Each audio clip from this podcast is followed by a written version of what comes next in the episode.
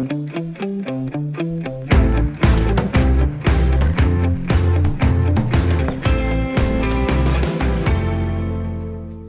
hjertelig velkommen til Fire på Foden, Radio 4's program om verdens smukkeste spil.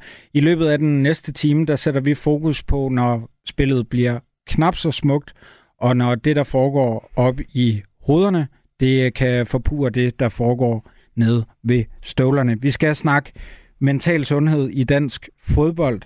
Jeg har samlet et øh, panel med hver deres øh, rigtig køndige baggrund, som skal hjælpe mig til at klargøre situationen i de øh, danske klubber, hvordan man tager øh, hånd om øh, de mentale udfordringer, og også kigge lidt på, når det bliver rigtig hårdt som spiller. Vi skal også høre fra Rasmus Hågensen, der er fra Spillerforeningens For Player, der har et tilbud til, når det hele bliver rigtig svært, Øh, både på og uden for banen med mentale udfordringer. Og så skal vi også høre fra Lyngbys Emil Nielsen, der pludselig opdagede, der pludselig fandt sig selv bagerst i en ambulance, da det hele blev lidt for meget. Og jeg vågner præcis samme tidspunkt. Jeg kan ikke huske, om det er to eller tre. Præcis, jeg vågner op. Øh, og mit hjerte bare begynder at hamre afsted, og jeg, jeg går ud på toilettet, og det løber ud den ene og den anden vej, og jeg går rundt i stuen, og, øhm, og så øh, synes jeg, at det gør lidt ondt i min, øh, i min arm, kan jeg huske. Selvfølgelig fordi der er en masse tanker, der flyver rundt, og det er en blanding af måske, man, man mærker stress, man mærker en masse ting, som man ikke øh, har prøvet sin krop før. Øh, så jeg ringer til ambulancen og siger, at øh, I, jeg har brug for, at der er nogen. Ja, du skal høre meget mere om Emil Nielsens vilde historie, da han pludselig gik ned med stress, og hans krop sagde, fuldstændig fra. Det er altså temaet den næste times tid, mental sundhed i dansk fodbold. Husk, at du, kære lytter, kan være med på sms'en. Hvis du har et spørgsmål til vores kyndige panel, som jeg introducerer lige om to sekunder, så kan du skrive ind på sms'en 1424. Skriv din besked, din kommentar, dit spørgsmål, så kan det være, at jeg læser det op her i studiet og giver det videre. Vi hører meget gerne fra dig. Velkommen til en time, hvor vi tager hånd om den mentale sundhed, i hvert fald så godt som vi overhovedet kan. Rigtig hjertelig velkommen til Fire på Foden. Mit navn er Emil Bak. Og jeg vil først og fremmest nu her gerne endelig byde velkommen til mit panel, der består af dig, Henrik Jersbæk. Tusind tak. Du er øh, mental coach med din egen virksomhed HH Mentality, og du har hjulpet danske eliteudøvere, heriblandt Kasper Junker, der nu spiller i Japan. Henrik, øh, vi starter lige med øh, de helt øh, kolde tal og facts. Ifølge en undersøgelse fra Spillerforeningen, som godt nok er fra 2019, så udtrykker 54 procent af de adspurgte spillere, at mentale udfordringer er et tabu. Nu er vi så her tre år efter. Oplever du det stadigvæk som et tabu? Ja, så det korte svar det er, det er helt sikkert stadigvæk et tabu. Jeg tror, det der 54 procent, det tal var formentlig også højere for tre år siden, men jeg tror så, hvis man nu siger et, det er et vilkårligt tal, nu gætter jeg bare lige, at tallet var 80 procent dengang, fordi man faktisk ikke er i stand til at ordentligt lokalisere, hvad er mentale lidelser, hvad er mentale udfordringer, så tror jeg faktisk, at tallet er faldet en lille smule, i og med, at vi har mere eksponering for, hvordan de store udøvere bruger mentale redskaber. Ved siden af dig i øh, studiet, der øh, er jeg også så heldig at have besøgt dig, øh, Morten Nielsen. Som ganske ung, der tog du turen til Chelsea's, Chelsea FC's akademi. Du har også været forbi klubber som AZ Alkmaar, Landskrona i Sverige og FC Midtjylland. Du stoppede din karriere for et halvt år siden og har nu helliget dig studierne. Du får samme spørgsmål som Henrik, sådan at det ikke er unfair. Er der et tabu omkring mentale udfordringer i dansk fodbold? Ja, det, det tror jeg helt sikkert, der er. Øh, og ikke kun i dansk fodbold, generelt i, øh, i fodbold. Fodbold er jo sådan på en eller anden måde sin egen lille verden øh, på tværs af grænser. Øh, så jeg tror ikke kun det er i Danmark, det er gældende. Så ja, jeg vil, jeg vil, det kan godt være, det er bedring, øh, som Henrik er inde på, men, øh, men jeg vil klart sige, at der er et, et stort tabu omkring det. Og sidst men ikke mindst har vi en linje til dig, Carsten Hvid Larsen. Du er professor fra Syddansk Universitet hos Idræt og Biomekanik, og så er du tilknyttet FC Nordsjælland og er med til at bygge deres sportspsykologiske profil op. Du får selvfølgelig også det samme spørgsmål som de to herrer her i studiet. Oplever du, at der er tabu omkring mentale udfordringer i dansk fodbold? Der er i hvert fald stadigvæk nogle udfordringer i forhold til at sætte ord på, øh, hvad det er, øh, der er svært, når det er, at man kæmper med nogle ting. Øh, Om det er tabu i alle hensener i alle klubber, øh, det ved jeg ikke helt. Jeg tror, der er nogen, der stadigvæk arbejder med det forholdsvis åbent. Men det er svært for os mænd i hvert fald at sætte ord på ting, og det kan vi stadigvæk arbejde meget mere med.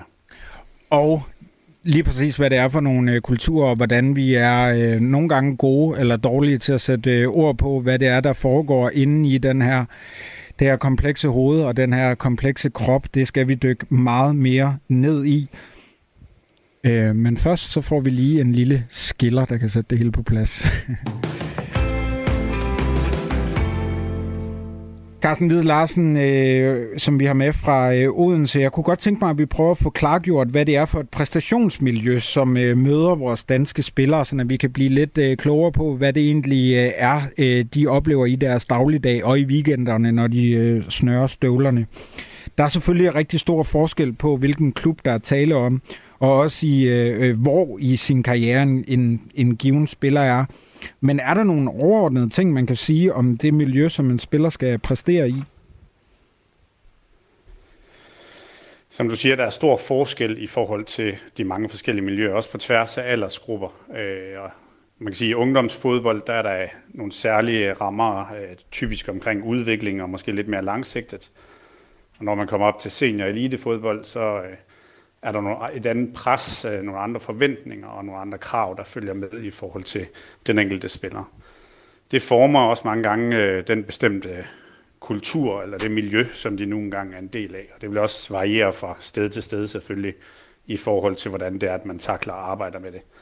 Men det er jo elitesport, og elitesport eller elitefodbold, hvis vi tager det udgangspunkt, så følger der også nogle bestemte ting med der i forhold til, at der er mange forventninger om resultater øh, den kommende weekend, hvor man skal levere, uafhængig af alder også. Så det vil også være det samme, som unge spillere de vil komme til at opleve, når de står der.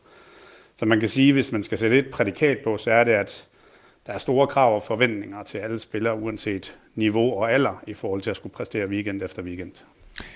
Henrik øh, Jarsbæk, øh, mental coach. Øh, hvad taler du med, med de spillere, du har inde om, når det, når det kommer til at indgå i et miljø eller en kultur i en klub? Jamen, der er selvfølgelig mange forskellige ting, og det er jo meget individspecifikt, hvad de lige oplever som udfordrende. Men altså, hvis man skal indgå i en ny kultur, en ny klub, øh, på et nyt hold med nye holdkammerater, så skal man have fokus på nogle forskellige ting. Det ene, af, man skal have fokus på, det er at være sig selv i det, og først, øh, først og fremmest og hurtigst muligt finde ud af, hvordan er jeg mig selv i den her nye setting. Hvis du ikke er dig selv, så kommer du ikke til at være den bedste udgave af dig. Så til at starte med, så prøver vi at kigge meget sådan på, hvad er dine basale styrker, hvad er det, du er bedst til. Det er det, vi først og fremmest skal sørge for, at du får frem i din klub. Øh, første gang du skifter til udlandet i Chelsea for eksempel. Hvis vi ikke har de ting med os, så føler vi ikke rigtig hjemme i en ny klub i London. Dernæst så skal vi selvfølgelig også øh, finde ud af at indgå i en, i en ny kultur, som gør tingene på en anderledes måde, og vi skal også assimilere i den her nye kultur, hvor man tager tingene ind. Så mange af de ting, der, der er det også sådan meget sådan informationsindsamling omkring, øh, hvad er det en, der foregår til daglig derinde, og hvad, hvad oplever du? Hvad oplever du, som faktisk kører rigtig fint for dig, som vi skal fortsætte? Hvad oplever du også, som er svært, som du ikke lige helt kan finde hoved og hale i nu, så vi er nødt til at gøre noget ved? Morten Nielsen, det er jo ikke øh, tilfældigt, at øh, Henrik han øh, nævner lige Chelsea og London som by. Det var den klub, du kom til som, som ungdomsspiller. Blev I også opdraget i den mentale del, og, og blev der taget hånd om jer uden for, for banen også? Nej, det, det gjorde der ikke. Øhm Altså, det er jo selvfølgelig et lidt bredt spørgsmål. Jeg havde det rigtig godt og var privilegeret på rigtig mange områder. Øh, I forhold til det mentale øh, forbinder jeg det meget med at være øh, præstationsbaseret, hvor, hvor, hvor, hvor dygtig var du, øh, og der bliver du målt og vejet hele tiden. Øh, og det er det, jeg forbinder med de mentale udfordringer, fordi jeg tror, at, øh, at de fleste nok ved, at fodboldspillere på et vist niveau er privilegeret. Øh, om du så øh, tjener det ene eller andet, det, det er jo ligegyldigt, men, men man har som regel et, et meget godt liv.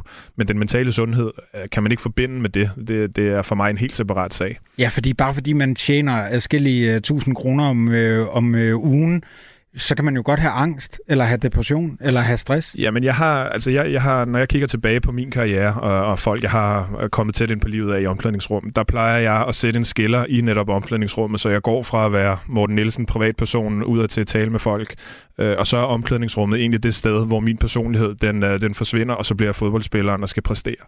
Øh, og så gælder der et andet sæt regler til træning, og når jeg er til kamp, hvor jeg Øh, jamen, helt åbenlyst må andre ting. Der er en dommer, der dikterer til kamp, hvad jeg må. Øh, jeg kan ikke komme, jeg kan ikke få en bøde, eller hvis man går meget over stregen, kan man muligvis godt, men det værste, der kan ske, er et frispark eller et rødt eller et gult kort. Øh, så der er et sæt regler, der gælder til fodbold, som ikke gælder ude i den normale verden. Og, og bare det at navigere i det kan være svært. Og der var det her omklædningsrum, når jeg kigger tilbage, tit den skiller, øh, der ligesom definerer det. Og det kan jo som ung være svært nok i sig selv at finde rundt i. Øh, og hvis du så også bliver afvist i, i, i det her omklædningsrum, øh, det kan være, at, øh, at du dagen inden kamp bliver valgt fra. Du kan sige, jeg skal ikke spille i morgen, som er det, man, det, det er den eneste grund til, at jeg boede i London, det var for at spille kampe. Hvis jeg ikke gør det, hvad skal jeg så? Øh, så det er jo et, det er jo et simpelt spørgsmål, men, men det er så bredt og så kompliceret at svare på.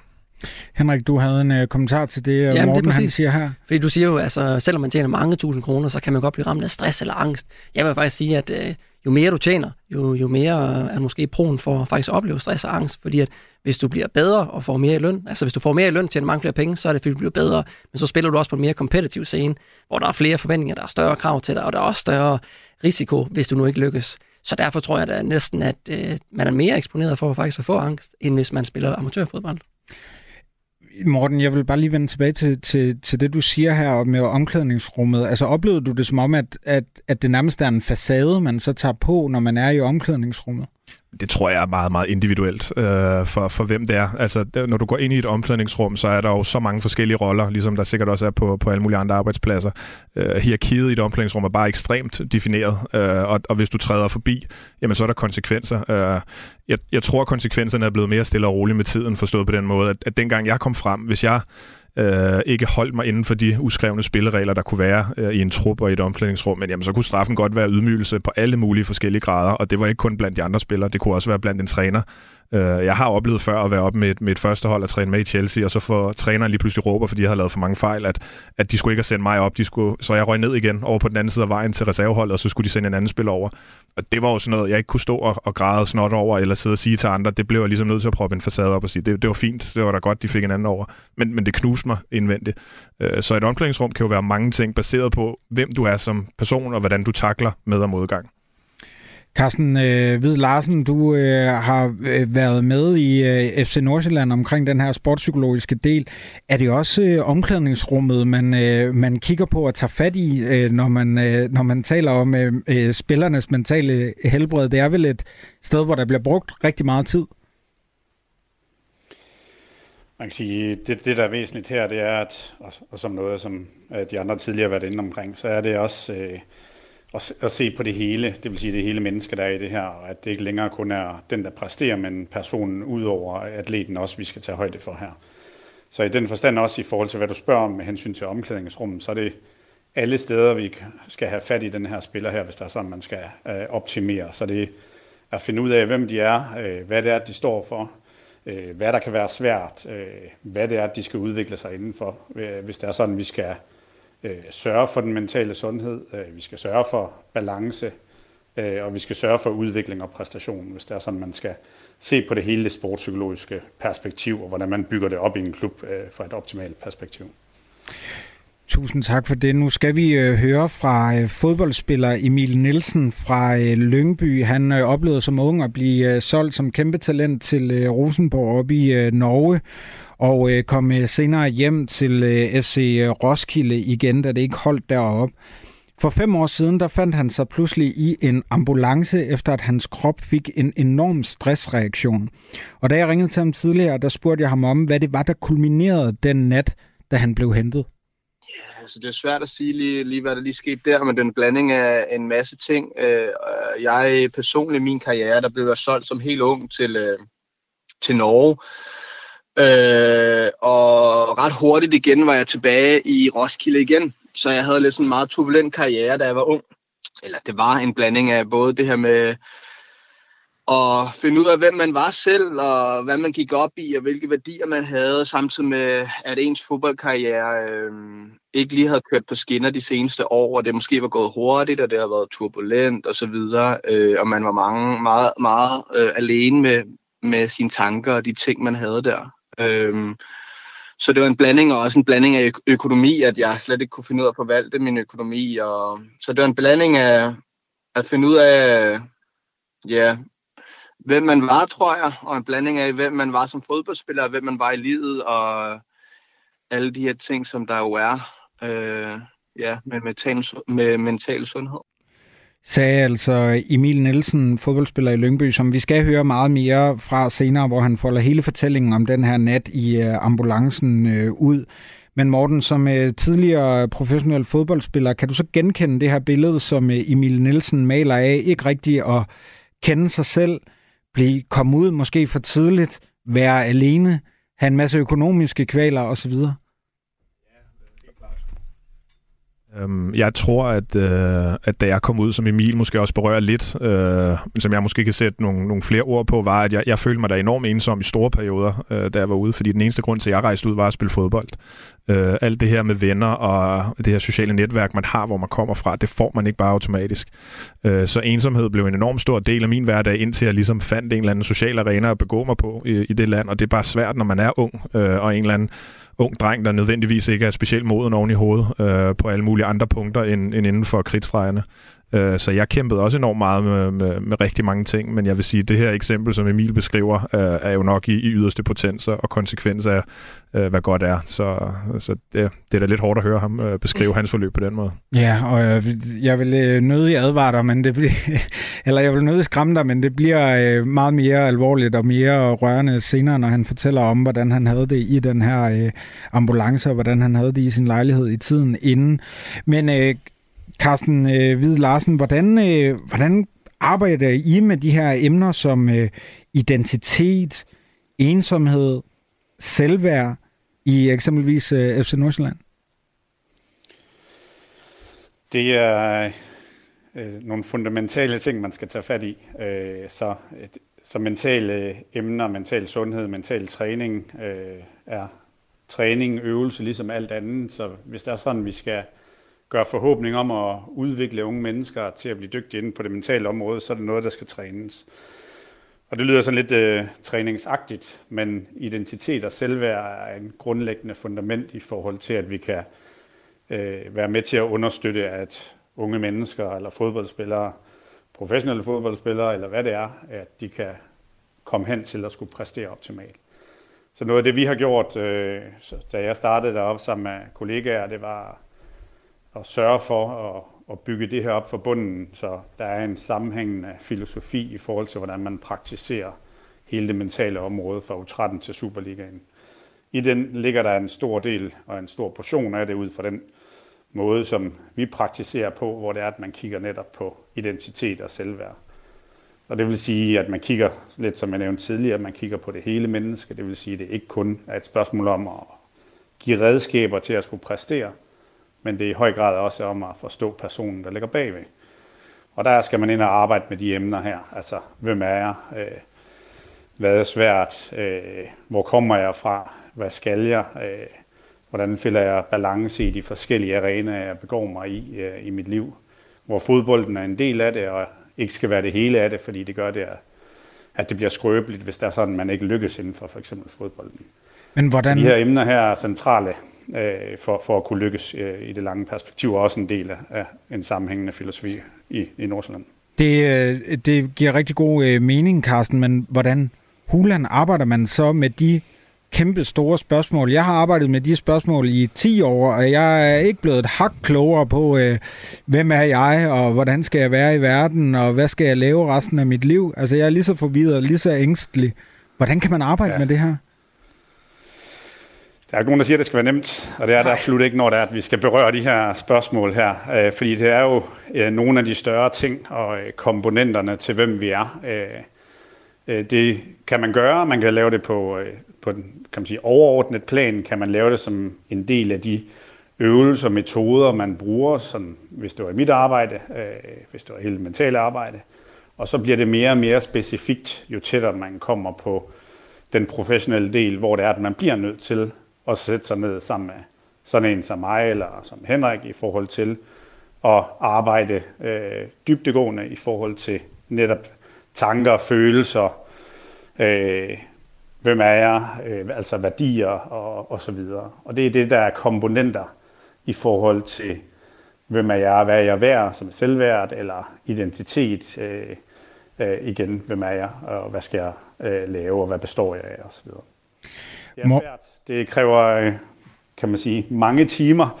Det er ikke noget, vi kan lave quick fixes på det her område, desværre. Øh, og det kræver, at man committer sig som spiller, ellers så øh, kan vi hurtigt lige øh, surfe i overfladen, og så kommer vi ikke rigtig videre, når det er, at vi skal arbejde med de her ting. Carsten, der bliver stukket hænder op til højre og venstre her i studiet. Det er jo bare en, et tegn på, at du har ramt et eller andet. Morten, har du en kommentar til det, Carsten han har sagt her?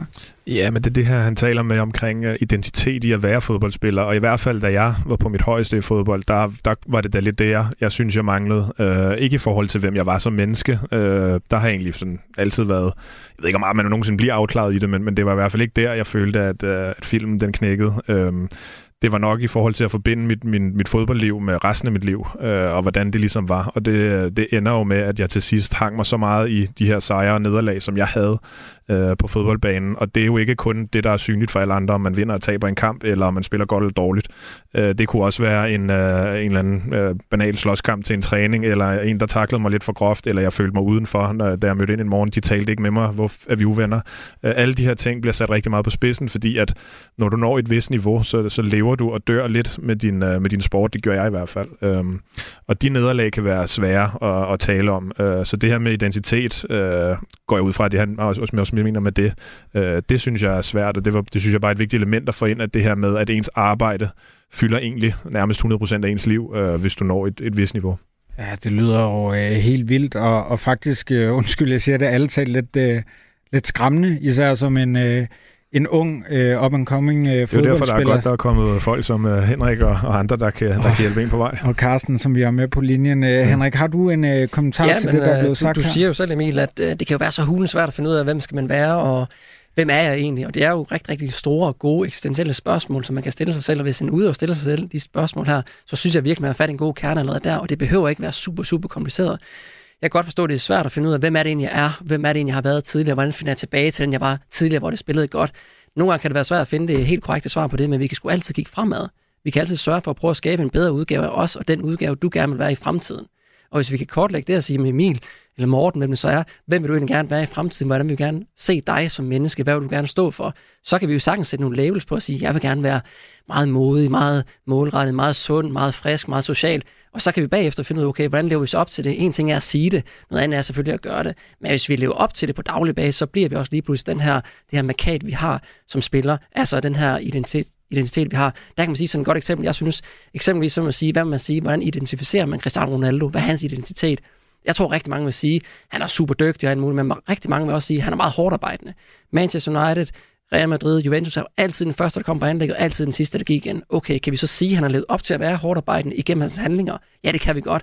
Kunne man tage et udgangspunkt, hvis man var sportspsykolog, dengang i Arsenal-tiden, hvor Mesut Özil var der at sige, han var måske ikke den, man identificerede som en hårdt arbejdende spiller. Han var måske en lidt mere nonchalant og tog det let på det. Hvis han havde gjort præcis det samme, lad os bare sige et halvt år eller en hel sæson, så er der ikke nogen, der kan tage det fra ham, at han er fandme også hårdt arbejdende. Så vi kan godt finde ud af det, vi gerne vil være. Vi skal have et andet sigte efter. Jeg vil gerne være den her udgave i fremtiden. Og så skal vi finde ud af sådan på mikrobasis bagefter, hvordan kan vi løbe op til det. Og hvis du gør det på daglig basis, så bliver Mesut Özil også en, der er mega hårdt arbejdende. Men er det ikke øh, der, hvor vi nogle gange taber nogen øh, på øh, gulvet i øh, klubberne og i elitesportsverdenen ved, at man ligesom siger, vi har de her klokkeklare værdier. Du skal være, altså du skal selvfølgelig have talentet, det er alle enige om. Men ud over det, altså det er måske kun 10% af det, så 90% det er hårdt arbejde, det er komme først. Det er alle de her dyder. Men hvis man egentlig er en, der trives på en øh, anden måde, og måske skal sparkes i gang, øh, skal holdes hånd om på en anden måde, end at blive rost for at komme tidligt osv., men skal måske have lidt mere, øh, lidt mere øh, opmærksomhed socialt og så videre, ja. så, så kan man risikere det her præstationsmiljø at blive tabt på gulvet. Jamen, det kan du sagtens sige, men, men det er jo også derfor, det tager udgangspunkt i, hvad vil spilleren? Det gør det jo både på kollektiv basis hos Carsten og dem, men det gør det også på individbasis hos mig. Så hvis vi finder ud af, hvad er det, spilleren gerne vil? Jeg vil gerne være social. Jeg har ikke øh, brug for at være mere hårdt arbejdende. Det er jeg allerede i forvejen. Jeg har mere brug for at være omsorgsfuld og være selvbevidst og sådan nogle ting. så kan vi sagtens sætte de ting i spil. Og der kan man sige sådan lidt, de ting, de siger, de kommer på bordet med, jamen det er jo det, man tager udgangspunkt i. Og der kan man også sige, hvis der er, at det ikke lige øh, tiltaler med at finde nogle værdier, som man skal leve op til, så kan vi også gå ind og snakke mening i stedet for. Det kommer sådan helt tilbage for ham, øh, psykologen Viktor Frankl, der var under 2. verdenskrig i koncentrationslejren, hvor han fandt det her logoterapi, altså meningsterapi. Hvis man finder en mening med tilværelsen, om man er radiovært, man er studerende, eller man er fodboldspiller, pokker, så er, hvis vi har en mening med foretagendet, så kan vi også godt, så kommer svarene lidt lille smule nemmere til os bagefter, og så kan vi leve op til dem. Morten øh, Nielsen, det kunne være, at jeg skulle have startet med det her øh, øh, spørgsmål, fordi vi taler så ufatteligt tit om, hvor vigtigt det er med det øh, mentale i fodbold øh, på banen. Hvis der er en spiller, der ikke rigtig præsterer, så kan man finde årsager til det uden for banen osv. osv. Men kan du prøve at forklare, hvordan det her kan sætte sig i hovedet på banen? Altså, løb du rundt og tænkte på alt muligt, øh, der foregik i, i dit privatliv og i dit omklædningsrummet og sådan noget, når du så var på banen? Nej, det gjorde jeg ikke. Jeg vil faktisk nærmest gå så langt som at sige, at de gange, hvor jeg har haft en eller anden form for lille eller stor krise øh, i mit privatliv, er nærmest der, jeg har præsteret bedst på fodboldbanen. Øhm, og jeg kan ikke øh, forklare, hvorfor. Det kan være, at Henrik eller nogen andre kan, kan hjælpe mig med det. Men øh, så, så for mig har det ikke hængt sammen. Det, det kan jo selvfølgelig godt være, at det har gjort det for andre. Øh, jeg tror, der hvor det værre har været for mig, det, det er det største knæk øh, for mig, uden jeg knækkede på det selv, men, men det, som jeg kigger tilbage på, det er, når du går fra at være ungdomsspiller til seniorspiller, hvornår det end sker. Øh, og jeg tror, at dengang jeg gjorde det, var det nok endnu sværere end der i dag på nogle punkter, og på nogle punkter er det endnu sværere i dag med sociale medier, end det var for mig dengang. Øh, så det er nok sådan 50-50. Men, men det synes jeg var svært, fordi at jeg følte mig ikke en del af et første hold til at starte med overhovedet. Der følte jeg mig som, som en meget, meget ung dreng, der kom op blandt mænd. Øh, og jeg følte egentlig først, at, at jeg faldt til en førsteholdstrup, efter jeg havde spillet, hvad skal vi sige, måske 30 plus kampe, øh, fordi det handlede mere om at bevise mig selv øh, på banen, end det gjorde omkring, at jeg var en flink fyr og alt muligt andet. Fordi at det, det var da selvfølgelig hyggeligt at omgås med, men det var slet ikke det, der talte. Altså det talte om, hvad jeg bidrog med, øh, om jeg havde lyst til at spille selv, når jeg havde ondt, om jeg kunne score min mål, om jeg kunne øh, hjælpe mit hold til at vinde. Alle de her ting, og det kan man jo først gøre, når du spiller et vis antal kampe. Øh, og som ung spiller er det jo ikke sikkert, at du får det antal kampe, så du kan jo egentlig gå i rigtig, rigtig lang tid uden at få chancen, og hvor du skal blive ved med at kæmpe med det her. Ikke rigtigt at være en del af et hold, øh, hvor det går godt eller dårligt for, hvor der er en god eller en dårlig stemning, hvor der er en sund eller en dårlig kultur. Øh, så der er enormt mange faktorer, der spiller ind, men, men for mig og for mange af dem, jeg øh, kom op med som ung spiller. Øh, der har der været en rimelig bred enighed om, at man er ikke bare en del af en trup, bare fordi at du kommer op i en førsteholdstrup. Der skal du bevise dig selv gang på gang, og det tager lang, lang tid, før du er en del af holdet. Øh, det, det, det kan der gå flere år, inden du, inden du bliver.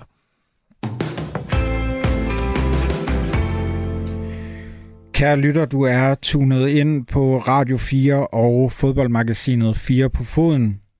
Vi taler i den her time om øh, mentale udfordringer og mental sundhed i dansk fodbold. Med mig i panelet har jeg tidligere fodboldspiller Morten Nielsen, jeg har mental coach Henrik Jarsbæk, og så har jeg øh, professor og øh, en del af øh, FC Nordsjællands øh, psykologiske team, kan man sige, øh, Carsten Hvide Larsen på en øh, linje fra Odense. Husk, at du kan lege med på øh, sms'en. Du kan sende en sms til 1424, hvis du har et spørgsmål til øh, de herrer i panelet, eller du har en kommentar til noget af det, der bliver sagt. Det store spørgsmål er jo så, øh, øh Henrik øh, Jarsbæk, hvordan du og spillerne arbejder med den mentale del. Jeg kunne godt tænke mig at blive lidt klogere på de konkrete værktøjer. Når du har en spiller inden, hvad vil der så typisk ske i den første samtale? Den første samtale er sådan lidt en interview-session, hvor jeg sidder og stiller en masse spørgsmål til, hvem er du? Øh, hvad synes du? Hvad har du oplevet tidligere? Har du prøvet noget mentalt træning, noget sportspsykologisk arbejde? Hvad synes du om det? Hvad har virket for dig? Hvad har ikke virket for dig? Hvad er din holdning til X, Y og Z? Og så kommer man sådan lidt hurtigt frem til, hvad er det en, der udfordrer dig lige her og nu? Hvad har udfordret tidligere? Hvornår har du været god? Hvad er det, du gør uden for banen? Hvad er det, du gør på banen, som får dig til at præstere dit bedste? De ting, som har været gode tidligere i ens karriere, den kan vi også godt tage udgangspunkt i nu. Og hvis de ikke er til stede, de ting, som er med til at bidrage til, at man har en god præstationsevne lige nu, men det var det tidligere, så er det selvfølgelig nogle af de ting, man skal have gang i. Så det er sådan lidt, hvor man laver sådan lidt et mindmap omkring, okay, hvem er Morten, hvem er Emil, og så finder man ud af, hvad er det egentlig, der forstyrrer og udfordrer dig mest i at præstere dit bedste. Jamen det kan være noget med mine tanker at gøre, det kan være noget med min position i hierarkiet, det kan være noget med fansen at gøre. Det er mange forskellige udfordringer, vi har. Så kan vi godt ligesom dissekere den her, alle de her mentale udfordringer, som den her givende spiller nu engang har. Og bagefter så kan vi meget nemmere pinpointe sammen med spilleren, hvad er det egentlig, du gerne vil arbejde med lige nu. Og der er generelt set så er det en god idé at starte med de lavest hængende frugter, for at man ligesom får noget øh, man bliver produktiv i sit arbejde til at starte med, at de får noget resultat igennem det mentale arbejde. Får nogle succesoplevelser måske ja, også. det er præcis, ja. Altså, jeg vil jo elske at komme ind til dig og så snakke om, øh, hvem er Emil i øh, en time eller to, og, øh, og virkelig snakke om øh, mig selv. Og så derefter så får man øh, kortlagt nogle, øh, nogle udfordringer og nogle arbejdsområder. Øh, og så siger du, man starter med de lavt hængende frugter. Hvad så, hvad, hvad så næste skridt efter det? Jamen det kommer så lidt på, hvad man oplever. Jeg synes jo, at det, det som er det er privilegeret med en fodboldspiller, men også det der fodboldspillerens lod, det er jo, der er jo eksamen hver weekend jo. Mm. Og du kommer ikke til at spille, der er jo 22 mand på en bane, og det er jo ikke alle 22, der gør det lige godt. Så det kan godt ske, at det går godt for dig i en periode, men så lige pludselig så bliver det også en knap så god periode, og så er det lige pludselig det mest forstyrrende element for spilleren. Så der er sådan generelt set, de spillere, som skal ind til mig og arbejde, de signer op, hvis det nu er dig, selvom du ikke er spiller. Jeg har også spillere, som ikke er spillere, men som bare er privatpersoner, de signer op til 12 måneder samarbejde. Og der er en masse ting, som jeg gerne vil have, at du skal arbejde med, og vi skal i gang med. Men foruden det, så er der også brug for, at man netop kommer ind og siger til sin sportsjule eller mentaltræner, hey, jeg har faktisk brug for at snakke om det, der skete i kampen, det, der skete til træning, hvor jeg blev smidt ned til reserverne igen, og det forstyrrer mig faktisk. Og den størrelse skal ikke vokse til en uhemmet størrelse i Mortens tilfælde. Det skal faktisk være noget, vi skal styre på lige nu og her, så det ikke kommer til at begrænse mig mere i fremtiden. Carsten Hvid øh, Larsen, det er jo så, øh, hvordan det er fra, øh, i det her tilfælde, mental coach til, til spiller. Hvordan kan man implementere det her med det mentale i en dagligdag i en fodboldklub, som eksempelvis FC Nordsjælland, du er en del af? For du er vel et eller andet sted øh, mere hands-on, øh, når det kommer til den, det generelle psykologiske miljø i klubben? Man kan sige, til forskel fra, øh, hvad der bliver beskrevet sådan individuelt fra, fra Henrik A., så øh, er jeg en del af miljøet til dagligt. Det er jo ikke ens, som Henrik ikke kan tage ud og se en kamp osv., men han er ikke inde i møde, mødelokalerne og så videre. Det er nok det, der er forskellen.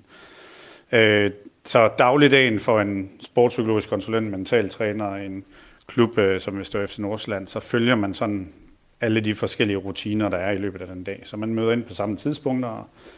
sportspsykologi, øh, for at det er effektivt, så skal det også ud på banen. Så det vil sige, man er også ude at lave øvelser, hvor det er, at man implementerer øh, en for eksempel nogle mentale elementer og, og prøve at få dem øvet af i forhold til nogle konkrete øvelser.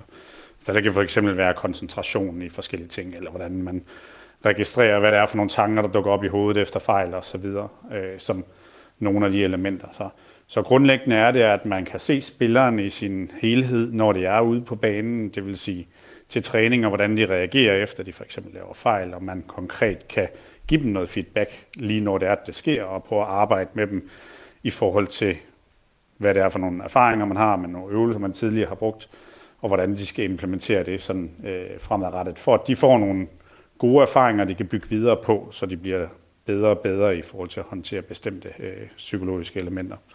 Så forskellen er, at man er i, øh, i det til, til dagligt, men vi gør også det samme individuelt i forhold til at have, have, have samtaler, og stort set jo det samme også, som, som Henrik beskriver der. Så, så det er, det er nok den eneste forskel, det er, at man er en del af den daglige drift, og man er med ude på banen, og man er meget tæt på alt, hvad der sker. Og, og det giver en god indsigt i forhold til at flytte på øh, hele personen, øh, når det er, at man skal, man skal arbejde med det mentale. Henrik, du har en uh, kommentar til det, Carsten siger her. Jamen det var, hvis du lidt efter noget konkret, sådan lidt en opskrift, det kan folk jo ja. gerne lide. Eller det ja, kan altså jeg vil gerne have noget, jeg kan tage ja, med mig ud præcis, i... Ja. Øh, og hvis man skal have en opskrift, så kan vi tage sådan lidt en totrinsmodel. Så vil sige, at vi skal starte med at lave bevidsthedstræning. Hvem er du, Emil? Hvad er det, du oplever? Tanker og følelser? Hvad oplever du i de forskellige situationer, hvor du skal præstere? Det ting, du oplever i den her uge og i løbet af den her måned, det er garanteret også det samme, du oplever igen næste måned og måneden efter og næste år. Her skal vi prøve at ændre én ting. Vi skal ikke prøve at ændre dine tanker, dine følelser, dine kropslige fornemmelser i selve situationen. Vi skal prøve at ændre den adfærd, du har, de handlinger, du foretager dig. Så i næste skridt, i første skridt har vi bevidsthedstræning. Hvem er du? Hvad oplever du? Der skal vi lave registreringsøvelser. I næste skridt skal vi så gå ind og arbejde med vinderadfærd. Hvordan skal du handle i de her helt klart svære situationer, som du står i, når du har mistet bolden på egen banehalvdel, og de andre har scoret, du lavede en fejl. Hvad vil du gøre lige præcis her? Der går vi så ind i trin 2 og laver vinderadfærd. Og øh, jeg kunne egentlig godt øh, tænke mig at, at vide her, øh, vi har fået en sms inde på øh, vores sms 1424, hvor du også, kan lytter, kan sende dit øh, spørgsmål eller øh, kommentar ind til øh, os her i øh, studiet. Øh, det er Ulla, der skriver her, når man øh, oplever ikke at være en del af holdet, øh, når man som ung spiller rykker op, er det så et i virkeligheden et ledelsesspørgsmål? Hvad tænker I? Jeg kunne godt tænke mig øh, at, at høre dig, øh, Morten, som, som har prøvet at være ung spiller, øh, der, der er rykket op. Er det et, er det et ledelsesspørgsmål, når man, når man pludselig ikke er en del af holdet længere? Men der er, jo, der er jo kun, altså fodbold er jo meget autoritært, og der er en helt klar øh, struktur i det, og det er træneren, der sætter holdet. Øh, så, så hvis du ikke er udtaget, jamen hvis du gerne vil have en forklaring, så kan du gå til træneren, men jeg vil sige, det er jo det er nok heller ikke en god idé at gå til træneren uge efter uge øh, og få en forklaring. Øh, man godtager ligesom det, man får at vide, og så har du noget at arbejde på. Men, øh, men ellers så, så er det jo ikke så, at det er jo ikke så anderledes end alle mulige andre arbejdspladser. Hvis du, øh, hvis du ikke gør dit arbejde godt nok, og du får en forklaring på det, jamen så har du noget konkret at arbejde videre på, øh, og så må du gøre det. Og hvis du så ikke ser, at der sker noget, så, så er du berettet til at, til at, ligesom, at tage, tage, tage, tage vare på dig selv derfra. Men, øh, men jeg vil sige, hvis du ikke er udtaget til holdet, så er det jo fordi, at du må arbejde endnu hårdere, prøve at ændre nogle ting, prøve at gøre det endnu bedre, og hvis du så stadig mangler et svar, så gå til træneren. Carsten, øh, jeg vil også gerne lige øh, tage dig øh, med på den her, fordi I jo i FC Nordsjælland er kendt for at have rigtig mange unge spillere, der rykker op på øh, øh, førsteholdet. Når en øh, spiller oplever pludselig øh, ikke at være en del af det bedste selskab, efter måske øh, hele sin øh, liv og fået været blevet udråbt som et kæmpe talent og så videre, man pludselig møder noget modgang, er det så, øh, er det så ledelsen, der skal øh, gå hen og, og tage hånd om, øh, om den her øh, unge knægt eller, eller unge kvinde? Øh, det er både og. Øh, både spilleren og øh, træner, kan man sige, er jo en væsentlig del i det her, så jeg synes ikke, at man kan placere ansvaret kun et sted. Øh, der er noget, uanset så tilfældige spillere eller en enkelt spiller kan jo øh, komme op og blive eksponeret eller få nogle erfaringer for, hvad det vil sige for eksempel at komme på første holdet. Men det er ikke ens betydende med, at øh, han eller hun er klar til at være der, så det kan være det første skridt at komme op. Så kan man sige, om det er en ledelsesbeslutning, øh, det, det er jo nok et strategi, øh, en del af strategien i forhold til, at de får nogle erfaringer i forhold til at komme op og mærke, hvad det vil sige at være på første holdet. Men det er jo blot en del af det langsigtede perspektiv, og øh, det blev nævnt lidt tidligere, der er mange forskellige skridt i forhold til at komme op. Øh, og nogle gange øh, tager det meget, meget, meget lang tid at komme op og bide sig fast. Så det kan være sådan nogle øh, flere forskellige skridt at komme op en gang og få erfaringerne. Så kommer man måske en gang mere, og så bliver det flere, mere og mere eller hyppigere, og, og dermed begynder man at komme ind og mærke, hvordan det vil sige at være førsteholdsspiller. Men først den dag, hvor man kommer op og er en fast del af truppen og begynder måske at få noget kamperfaring, begynder det også at være en mere fast del af, af førsteholdet. Så det er både der er mange forskellige årsagsforklaringer, og nogle af, hvis man bliver fravalgt, hvis det er sådan til kampe, så er det ikke nødvendigvis faktisk, fordi at det altid har noget med den enkelte spiller at gøre, så kan det lige så godt være nogle taktiske beslutninger i forhold til, hvordan man sætter holdet, som har en betydning for, hvem det er, der bliver selekteret fra. Så mange forskellige ting, der kan spille ind i forhold til netop den del her. Morten, øh, nu øh, talte Henrik øh, Jarsbæk her tidligere omkring, hvordan man kan arbejde med det men, mentale, og vi fik nogle rigtig gode, konkrete værktøjer. Jeg fik i hvert fald i rygsækken. Er der nogle værktøjer, du gerne ville have haft i rygsækken som fodboldspiller nu her, hvor du kan se det hele lidt i, i bagklogskabens uendelig klare lys? Ja, men det er jo altid meget nemt at sidde bagefter og sige, at, øh, at hvis jeg kunne gøre det om, så havde jeg nok gjort det her det her om. Øhm, så det er nok lidt for nemt for mig at sidde og sige det. Men generelt synes jeg, at det her med, at der er blevet introduceret mental coaches og sportspsykologer er blevet tilknyttet klubber øh, som en del af hverdagen, som vi hører her, er enormt positivt. Og jeg synes virkelig, det er godt, og er der ikke i tvivl om, at det også havde hjulpet mig øh, på den ene eller anden måde. Øh, men altså fodboldspillere, ligesom alle mulige andre mennesker, er mennesker om øh, individuelle og hver individ for sig selv. Så det er jo svært at sidde og tale generaliserende om, hvad kan vi gøre, og det her med, er der en, en pakke, der virker for alle, for det er der jo nok ikke. Øh, men, men jeg synes, det er enormt positivt, at det er blevet en så integreret del af klubber, øh, og spillerne generelt selv tager kontakt til deres egen mental coaches, øh, og, og bare de her tilbud er der, fordi det var der ikke på samme måde, da jeg, da jeg kom frem, øh, og jeg tror da helt klart, det havde gavnet mig også. Kære lytter, du lytter til Radio 4's fodboldmagasin 4 på foden, hvor vi lige nu snakker om mental sundhed i dansk fodbold. Nu skal vi tale om, når spillernes mentale udfordringer går fra at være performanceorienteret til at være decideret sygdomsbetonet. Vi skal igen høre fra øh, Emil Nielsen, der er til daglig spiller i Lyngby BK, og som for fem år siden pludselig måtte ringe efter en ambulance, fordi hans krop sagde fra. Jeg spurgte ham, om, hvad det var, der skete den nat, da ambulancen kom. Det, der sker helt konkret, det er, at, øh, at jeg lægger mig ind i seng. Jeg kan huske, at jeg kigger på min øh, telefon eller på min netbank, og jeg kan se, der står sådan noget... Det, der triggede det, var, at der stod sådan noget 700 kroner, og det var sådan den, den 8. i måneden eller sådan noget. Der stod 700 kroner tilbage.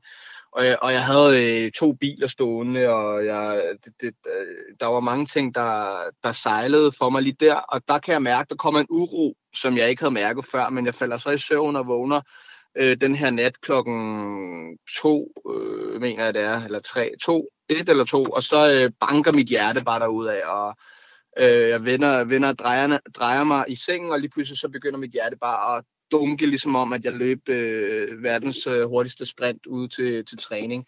Øh, og der øh, kunne jeg jo mærke, at min, at min krop var begyndt at blive stresset. Jeg blev lidt nervøs, men jeg fandt lidt roen igen og gik rundt i lejligheden og så videre, og, og klokken 5 faldt jeg vel lidt i søvn igen.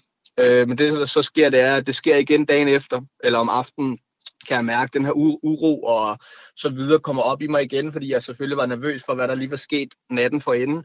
Og der sker så præcis det samme igen øh, den her nat, og jeg vågner præcis samme tidspunkt. Jeg kan ikke huske, om det er to eller tre. Præcis, jeg vågner op, øh, og mit hjerte bare begynder at hamre afsted, og øh, jeg, jeg går ud på toilettet, og det løber ud den ene og den anden vej, og jeg går rundt i stuen, og, øh, og så øh, synes jeg, at det gør lidt ondt i min, øh, i min arm, kan jeg huske. Selvfølgelig fordi der er en masse tanker, der flyver rundt, og det er en blanding af måske, man, man mærker stress, man mærker en masse ting, som man ikke øh, har prøvet sin krop før. Øh, så jeg ringer til ambulancen og siger, at øh, I, jeg har brug for, at der er nogen, der kommer nogen, fordi jeg ved ikke lige, hvad der sker inde i min krop. Øh, I behøver ikke at tage øh, blink på, men jeg har bare brug for, at I lige kommer og tjekker, at det hele skal være, som det er. Øh, jeg ved, at øh, min krop lige er i gang med at fortælle mig nogle ting. Og de kom så og, og tjekkede mit hjerte og tjekkede det hele, og de sagde, at mit hjerte var fint, og der var ikke så meget der, men de kunne godt se, at, øh, at, øh, at mit blodtryk var lidt højere end normalt, og og de spurgte, om jeg var meget stresset, og hvad det var, der stressede mig. Jeg sagde, at det var økonomi, og det var penge, øh, og det var min fodboldkarriere, øh, og alle de her forskellige ting. Så de sagde, at det er også øh, nogle af de største faktorer ligesom, til at blive stresset og, og, og så videre. Så, øh, så det, der skete efter det, var, at, øh, at jeg gik i gang med en, ja, en stor proces om at finde ud af, hvorfor at, øh, at det, der skete, øh, skete den, de to aftener. Og kan du sætte lidt ord på den her øh, proces? Hvad er det, der, der starter her? Jamen, det er jo, for mig, to, for mig greb det sådan an, at, at min krop vil fortælle mig noget, at den fortalte mig, at jeg greb nogle ting helt øh, radikalt forkert an i mit liv. Øh, både det her med, hvem jeg var, og hvad jeg gik op i, og, og hvad, øh, hvordan jeg, øh, hvordan jeg havde min tilgang til min fodbold og ja, mit liv og selvværd, hvad der ellers kan være, som, øh, som der jo hører med under mental sundhed. Så det var det hele med, at, at den her krop, min krop, øh, ville fortælle mig noget, øh, eller fortalte mig noget og sagde, at, øh, ja, at jeg gjorde nogle ting forkert. Så det var jo så at gå i gang med både at rydde op i min økonomi og sige, hvorfor har jeg haft behov for at have en Porsche, når jeg måske ikke har haft råd til det? Hvorfor har jeg behov for at at øh, se ud som om jeg var ham den seje fodboldspiller, øh, som havde styr på hele lortet, øh, når jeg måske egentlig ikke havde det. Øh, og alle sådan nogle ting, som, som man så går i gang med at, at begynde at, at finde ud af i sit, øh, i sit eget liv. Både karriere, men også Emil Nielsen som person, øh, og lære sig selv at kende. Og... Fik du noget hjælp i den her situation, altså enten fra mentaltrænere eller psykologer eller andet? Nej, det gjorde jeg faktisk ikke. Jeg læste en masse bøger og begyndte at gå mange ture og begyndte at prøve at spørge mig selv om det ene og det andet og tredje og fjerde, om alle de her, mærke de her følelser, som man havde, og mærke, prøve at lære sig selv at kende. Øh, så det var egentlig ikke fordi, at jeg snakkede med nogen, men jeg vil så sige, at for, nogle, for to år siden, da jeg jeg har snakket med nogle forskellige mental coaches, nogle som er bedre end andre, og nogle som gav nogle ting, og nogle gav nogle andre ting, men der, der er mødt en mental coach, som, øh, som hed øh, Morten, han hedder Morten Berthold, øh, for to år siden. Han blev ansat i Lyngby Boldklub, og, og så øh, connectede jeg via øh, der øh, med ham. Og jeg vil sige, de snakker, jeg har haft med ham, de har hjulpet mig, eller de har sat nogle ting endnu mere i perspektiv, end jeg overhovedet selv kunne have gjort da jeg så har gået og prøvet at udvikle mig selv, eller finde, fundet ud af øh, øh, at lære sig selv at kende. De snakke med ham, de, øh, de rykkede mig rigtig meget.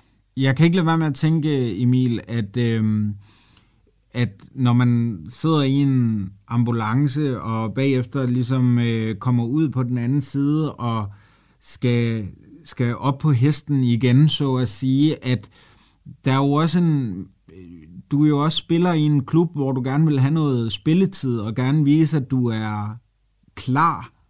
Er det svært ligesom at, at, øhm, at udtrykke den her sårbarhed så i det mindste, fordi at der er så meget på spil Ja, altså det har du, det kan du have helt ret i, og det er jo også det, der er meget snak om omkring fodbold og, og også forskellige andre karrierer, hvor, det, hvor, hvor man ikke må vise så meget svaghed, og det skal være macho det hele. Øhm, og der har du ret i, der kan det da selvfølgelig godt være lidt svært, at man lige pludselig viser den her sårbarhed, og, og egentlig, og egentlig øh, viser man også et menneske, fordi at tit så, øh, så tager man jo nogle gange en facade på, når man er i sådan nogle øh, macho-verdener der, og bare skal, skal være øh, så sej omkring det hele, og det er man sgu ikke, det er der ikke nogen, der er.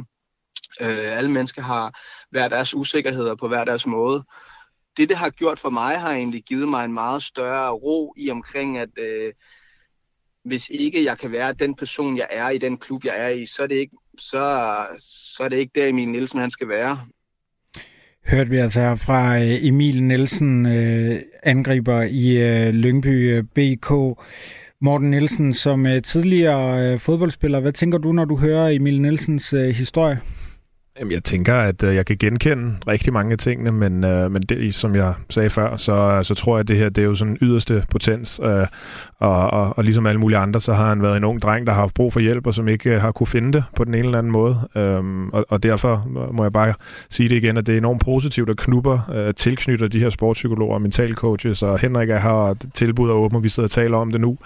Øh, det, det, det er rigtig, rigtig positivt, fordi det er et det er svært øh, som ung øh, menneske, og, og man taler også tit, så nu har jeg selv en dreng og en pige, og, og jeg får næsten dagligt at vide, at piger er længere fremme end, øh, end drenge, øh, og det stopper nok ikke, når man bliver, bliver teenager på et vist punkt. Øh, problemet er så bare, at som teenager, der er der mange unge drenge, der er så dygtige, at de faktisk kommer op i, i, i førsteholdstrupper, øh, og navigere det som, som ung knægt, det er, det er udfordrende. Øh, så den her modenhed i, hvordan, hvor hurtigt finder du ud af, hvad der skal til for at blive fodboldspiller, hvad, hvad er rigtigt og forkert, jamen det kan jo være en, en proces, øh, som du er en gave, som du er født med, og bare forstår med det samme, men det kan så sandelig også være noget, som, som tager dig 10 år, øh, før du sådan rigtig forstår, og i nogle tilfælde er der, lærer de det aldrig. Øh, og jeg tror også, øh, at det ikke hænger sammen med, hvor stort et talent du har. Altså nogle gange kan du jo godt sidde og kigge tilbage på en karriere, øh, og så lige pludselig går det op for dig, hvis jeg bare havde gjort det.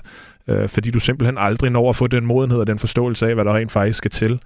Øh, og og det, det lyder som om Emil øh, måske er, er, er ved at modne øh, nu, men, men har godt at kunne bruge en hjælpende hånd for for eksempel øh, Henrik eller nogle andre af hans kollegaer øh, tidligere i hans karriere. Jeg vil gerne lige øh, benytte den her øh, mulighed til at nævne øh, Spillerforeningens øh, tiltag for player og for players øh, tilbud til øh, spillere med øh, psykiske udfordringer. Deri der har de øh, Øh, tilknyttede kliniske psykologer, har også et øh, samarbejde med øh, Foreningen mod øh, Ludomani, og øh, øh, har rigtig mange øh, ting kørende der. Jeg skulle have spillet et øh, klip øh, med dem, men øh, tekniske udfordringer gør, at, det, at jeg desværre ikke kan spille øh, klippet med øh, direktør Rasmus Hogensen. Jeg vil i stedet for øh, række øh, lige øh, få nogle tal på bordet, fordi øh, jeg nævnte tidligere den her øh, undersøgelse, som Spillerforeningen lavede i 2019. Her i der gav øh, 60% udtryk for, at de i deres karriere har oplevet mentale udfordringer.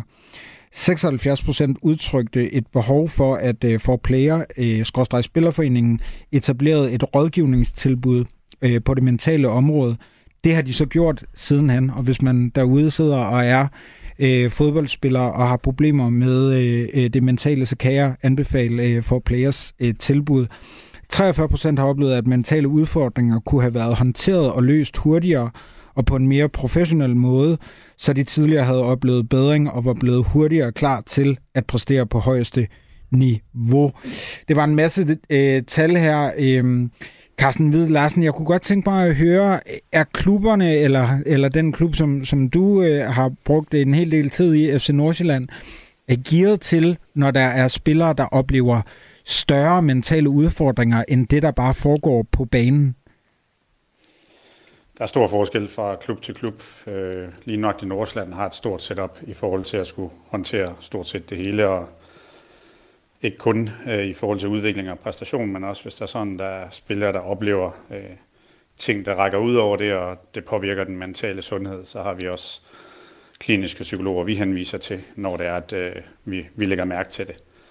Men som sagt, der er også øh, stor forskel og, i forhold til ressourcerne fra klub til klub, så mindre klubber vil nok ikke have det samme setup og de samme ressourcer tilknyttet i forhold til at kunne håndtere øh, det. Så det kræver, at der er nogle personer i den enkelte klub, øh, fordi det er noget, man godt kan spotte og monitorere og lægge mærke til, inden det måske udfolder sig i, i, til at være noget, noget slemmere, som øh, den historie, vi også har hørt tidligere. Så, men det, det øh, stiller krav til klubben i forhold til, at de øh, smider nogle ressourcer i og anerkender, at det her det også er et væsentligt område øh, at investere i, og ikke kun at det er for at forebygge mental sundhed, som er et ekstremt væsentligt område selvfølgelig, men at det går hånd i hånd i forhold til den mentale udvikling også, som øh, er udvikling og præstation for fodboldspillere. Henrik øh, Jarsbæk, hvad gør du, når du øh, sidder med en spiller, der kan have udfordringer, der stikker dybere end en scoringskrise, eller have problemer med performance, eller sidde på bænken i en periode? Mm. Jeg synes lige sådan, det viser ud for det, der Emil siger, også det Morten siger, eller jævnt for Morten, han siger også, der er jo ikke nødvendigvis en pakke for alle, men jeg synes, det viser det Emil siger, og det som alle spillere, som jeg også arbejder med, og dem som Carsten arbejder med, det er sådan et, tal nu med nogen om det. Lad være med at gå med det selv. Det, som fodboldspillere gør, kvæg ens natur, det man har lært igennem kulturen, det er, hvis man går med tingene selv, så, prøv, så kommer man nok desværre til at undertrykke tingene og bare prøve at glemme dem. Hvis man gør det som menneske, og det er det mentale, der foregår inde i en, man prøver at glemme det og kommer til at undertrykke det, så vokser det sig større. Så kommer det lige pludselig op til overfladen et par år senere, og så har det en helt, helt anden størrelse. Det var bare lige for at sige en kommentar mm. til tidligere. Men hvis man har spillere, som øh, ikke bare har en scoringskrise eller noget, eller andre ting med noget lidt mere alvorligt, det var det, du spurgte om, ikke? Ja.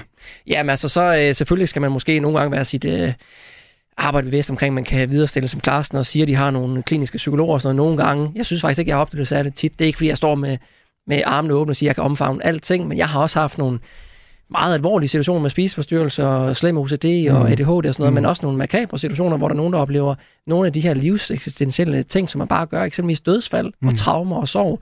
Og det, det er en helt anden størrelse, men i de tilfælde med mig der, så har det været op til spilleren selv faktisk, fordi det var en teenager, og der går staten jo ind og supporterer os og siger, at vi har det her herberg og de her psykologer, som, som kan hjælpe dig igennem den her svære tid, på grund af at vedkommendes øh, ene forældre øh, så omkom til, til kraft. Men der vælger spilleren så at sige, at øh, det har jeg ikke lyst til. Jeg vil hellere arbejde med Henrik omkring det. Og så fik jeg faktisk bare lidt øh, hjælp af de her psykologer på, på det her herberg til, hvordan skal man tolke eller takle sådan en situation her. Og jeg synes bare, at det, det handler om, det er, at du som spiller skal finde nogen, som du kan lide, og nogen, du, snak, nogen, du kan lide at snakke med, nogen, du har tillid til. Emil siger også, at jeg har prøvet forskellige sportspsykologer eller mentalcoach, nogen bedre end andre. Hvis du har nogen, hvor du har tillid til dem, og du er tryg ved det, så skal I nok finde ud af at bearbejde det traume, eller den lidelse, eller den svære udfordring, du har lige nu. Morten øh, Nielsen, her til sidst, så øh, øh, det skal ikke være nogen øh, hemmelighed, nu bringer jeg mig selv i, i spil, at øh, jeg selv har været påvirket af, af angst og stress, og i nogen grad stadigvæk er det. Og da det hele det ramlede, så tog jeg telefonen, ringede til min chef, og så sygemeldte jeg. Emil Nielsen er også lidt inde på det her med, altså, hvad, hvad, skal, hvad skal man gøre som, spillerne, øh, som spiller her, fordi man lever jo af og, og, og for at spille øh, fodbold, og man kan vel risikere at stå sværere, hvis øh, man siger, hey, jeg har det sgu øh, skidt mentalt, og så, så kan man, det være, at man ikke er en del af holdkortet, fordi man virker ustabil måske. Ja, øh, du, du siger det selv, og jeg har ikke et bedre svar til dig. Øh, jeg vil så sige, da jeg spillede i Danmark og, og udlandet, øh, specielt nogle af de steder, jeg har været i udlandet, det, det, kan man slet ikke sammenligne. Der var ja. simpelthen så stor forskel. Jeg synes faktisk generelt i Danmark, at vi, at vi sådan på alle niveauer og størrelser ret gode til at tage hånd om folk, og vi har en eller anden form for hvad skal man kalde forståelse for, for problemer hos, øh, hos spillerne og trænerne og hvad det kan være. Men, men vi skal også huske, at en træner er jo ikke en psykolog eller uddannet til at tage hånd om spillernes følelser nødvendigvis. Hvis han også kan det og, og kan agere som en eller anden form for mentor eller farfigur for de unge drenge, jamen, så er det jo kun et plus, men det er ikke, det er ikke derfor, han er ansat. Øh, da jeg for eksempel spillede i Tyskland, der tror jeg ikke, at min træner kunne have været mere ligeglad med, hvordan jeg havde det privat eller følelsesmæssigt eller noget andet. Øh, fordi det var, det var den her klassiske tyske tilgang, vi taler om, det var bestemt til stede hos ham. Øh, så hvis jeg havde haft mentale problemer der, så var det i hvert fald ikke klubben, jeg var gået til. Det, det er helt sikkert. Så havde det nok også været en sygemelding eller noget andet, og så måtte jeg ligesom regne ud, hvordan jeg kunne komme videre. Men, men jeg vil sige, det lyder som om, at der er kommet mere fokus på de her ting, og det er noget, der, der hjælper dig på vej, og noget, der er... Øh, noget, der er, der er sat øjne på i dag. Øh, problemet kan så være, hvis du kommer ud til, til udlandet, hvor det ikke er de samme ting, der er til rådighed, fordi det er en anden kultur. Det er, jamen alt er jo ikke lille Danmark. Øh, der kan det være svært. Men der er det jo godt, Henrik og, øh, og andre øh, kan hjælpe til, og de følger jo heldigvis også med, hvis man tager, tager udlands. Øh, jeg tror, da jeg var i Danmark, der havde jeg egentlig ikke de store øh, psykiske kvaler eller tanker omkring alle mulige ting. Det var først, da jeg kom ud, og, og pengene blev større, presset blev større, øh, tilgangen til fodbold var bare noget andet og meget mere professionelt og elitært. Øh, det var der, jeg godt kunne have brugt en, øh, en som Henrik, der ligesom øh, havde, havde hjulpet mig på vej med, med alle mulige ting. De her, vi kunne have snakket i flere timer om det her emne, og det tror jeg også er ret vigtigt, at øh, der bliver. Øh, først og fremmest så vil jeg øh, sige tak til dig, Carsten Hvid øh, Larsen, fordi du var med fra Odense, og jeg måtte stjæle en hel time af din tid. Selv tak. Også tak til dig, Henrik Jarsbæk, mental coach, og Morten Nielsen, tidligere fodboldspiller, fordi I kom forbi. Jeg vil gerne øh, takke af her fra Fire på Foden. Det er min øh, sidste udsendelse, inden jeg går på barsel. Det har været en fornøjelse at sende for jer. Ude i regien, der sad med Skåning og Sara Luna.